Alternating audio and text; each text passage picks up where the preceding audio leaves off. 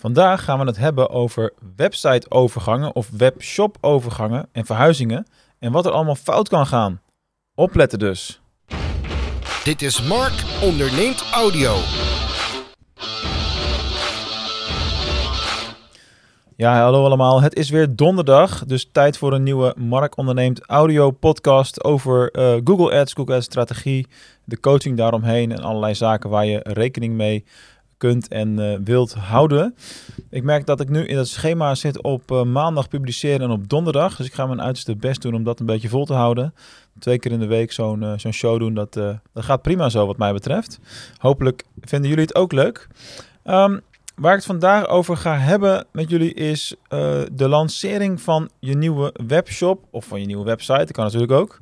Maar voor dit voorbeeld gebruiken we even een webshop uit praktische overwegingen. En wat er allemaal kan gebeuren op het moment dat je dat niet op de juiste manier insteekt. En het, het ding bij een nieuwe webshop-lancering is vaak dat er meerdere partijen bij betrokken zijn en dat niet altijd iedereen overal evenveel verstand van heeft. En waar het vaak aan uh, ontbreekt, is een, een uh, persoon die het overkoepelende uh, in de gaten blijft houden, zeg maar. En ehm, ik heb dat in de afgelopen twee jaar nog verdacht vaak gezien. Ik dacht dat we nu wel in een fase zouden zitten dat dit soort dingen getackeld zouden zijn en dat het uh, vaak genoeg was gebeurd in het verleden, waardoor het niet, uh, niet meer voor ging komen. Maar mensen blijken hardleers in de zin dat uh, ja, ook gewoon telkens nieuwe mensen in de branche bijkomen en die jonge gasten hebben het dan nog nooit meegemaakt en dan weten ze dat dus niet. wat er allemaal fout kan, kan gaan. En ja, daar wil ik vandaag even bij stilstaan, want de impact op Google Ads kan ook echt enorm zijn. Uh, zelf heb ik nu te maken met een klant waarbij dit is gebeurd, waarbij je ziet dat er dingen fout zijn gegaan in de overgang, waardoor je wat data mist, waardoor je nu uh, met bepaalde beatstrategieën in het hoogseizoen een beetje in de knel komt, omdat Google simpelweg data mist. Dus dat zijn dingen die je eigenlijk het liefst zoveel mogelijk wil voorkomen. Nou, het begint natuurlijk allemaal op het punt dat je een webshop hebt en je hebt die shop al een aantal jaar. En je denkt, weet je wat, het is tijd om er een, uh, een fris jasje aan te geven. Het design moet gemoderniseerd worden. We hebben misschien andere wensen qua uh, ja, functionaliteit en dat soort dingen. En uh, ja, dan, dan ga je thuis met het bureau kijken of je gaat zelf ontwerpen of wat dan ook.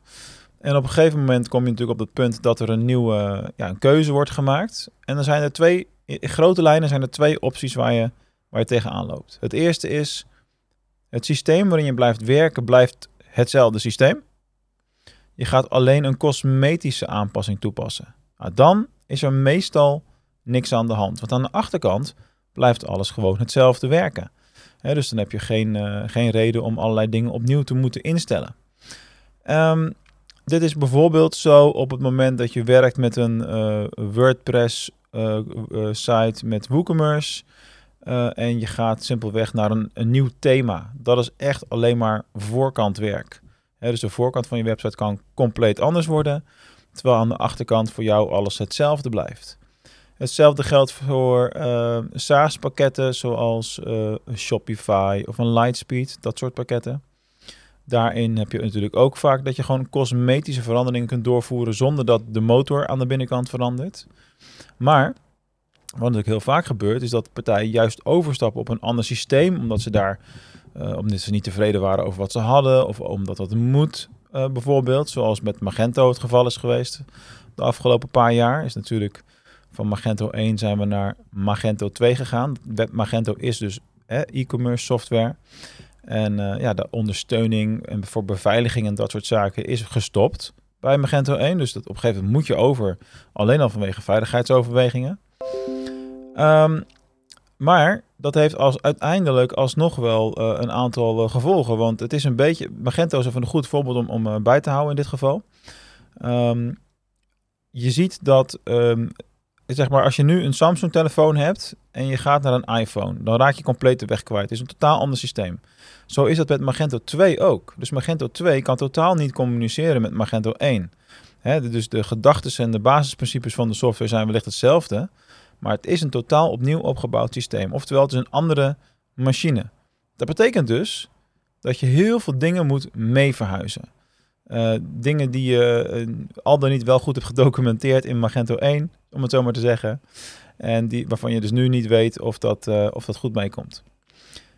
En wat er dus vaak gebeurt, is um, de laatste paar jaar gaat het meestal met SEO-dingen wel goed.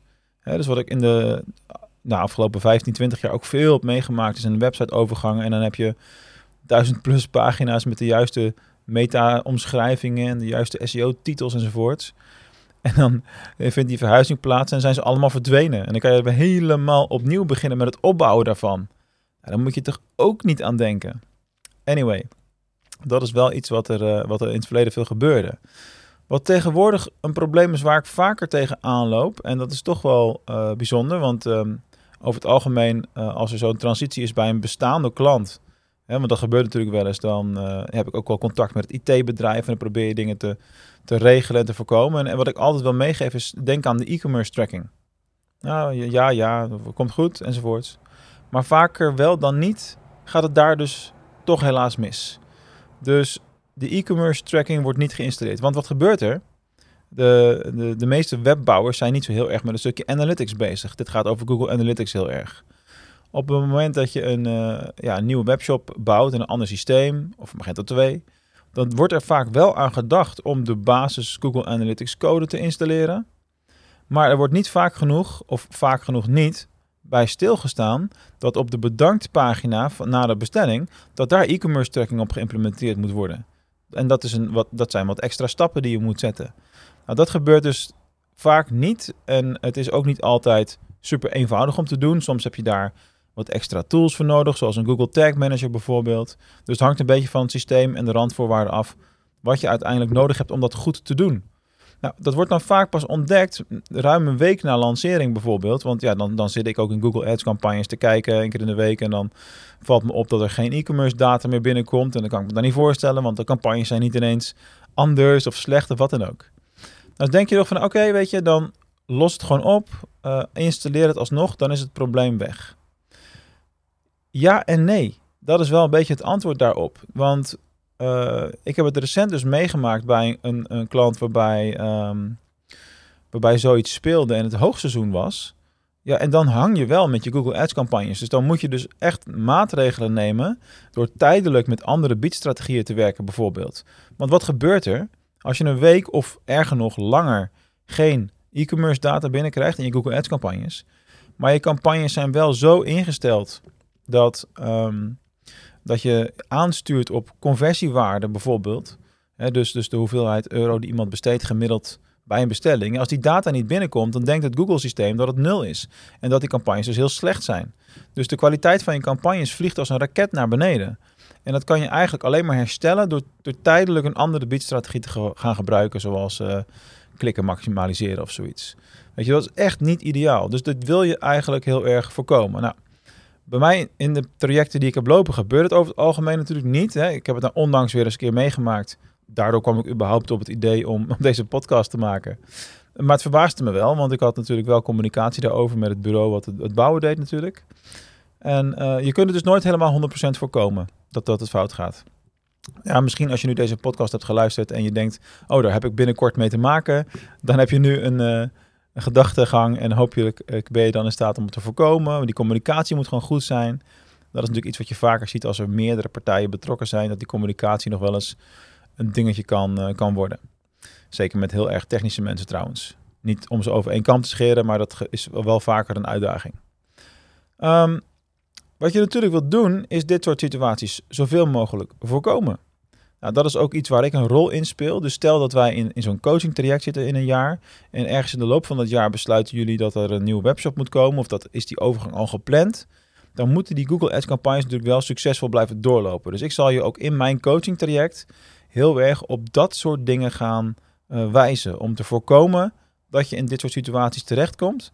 Want voorkomen is beter dan genezen. Neem dat maar van mij aan. Want anders zit je uh, met, uh, met de pijn zeg maar, van niet goed lopende Google Ads campagnes. En dat is natuurlijk wel het laatste wat je wilt, want dat heeft direct invloed op jouw bottomline, op jouw omzet. Dus hopelijk heb je er vandaag weer wat aan gehad. Ik wens je nog een, fijne week, een mooi zonnig weekend. Want volgende week wordt het wat minder mooi weer volgens mij. Maar uh, dan heb je misschien wat meer tijd om in de auto te zitten en naar de podcast te luisteren. Hoe dan ook, bedankt weer voor het luisteren. Tot de volgende keer.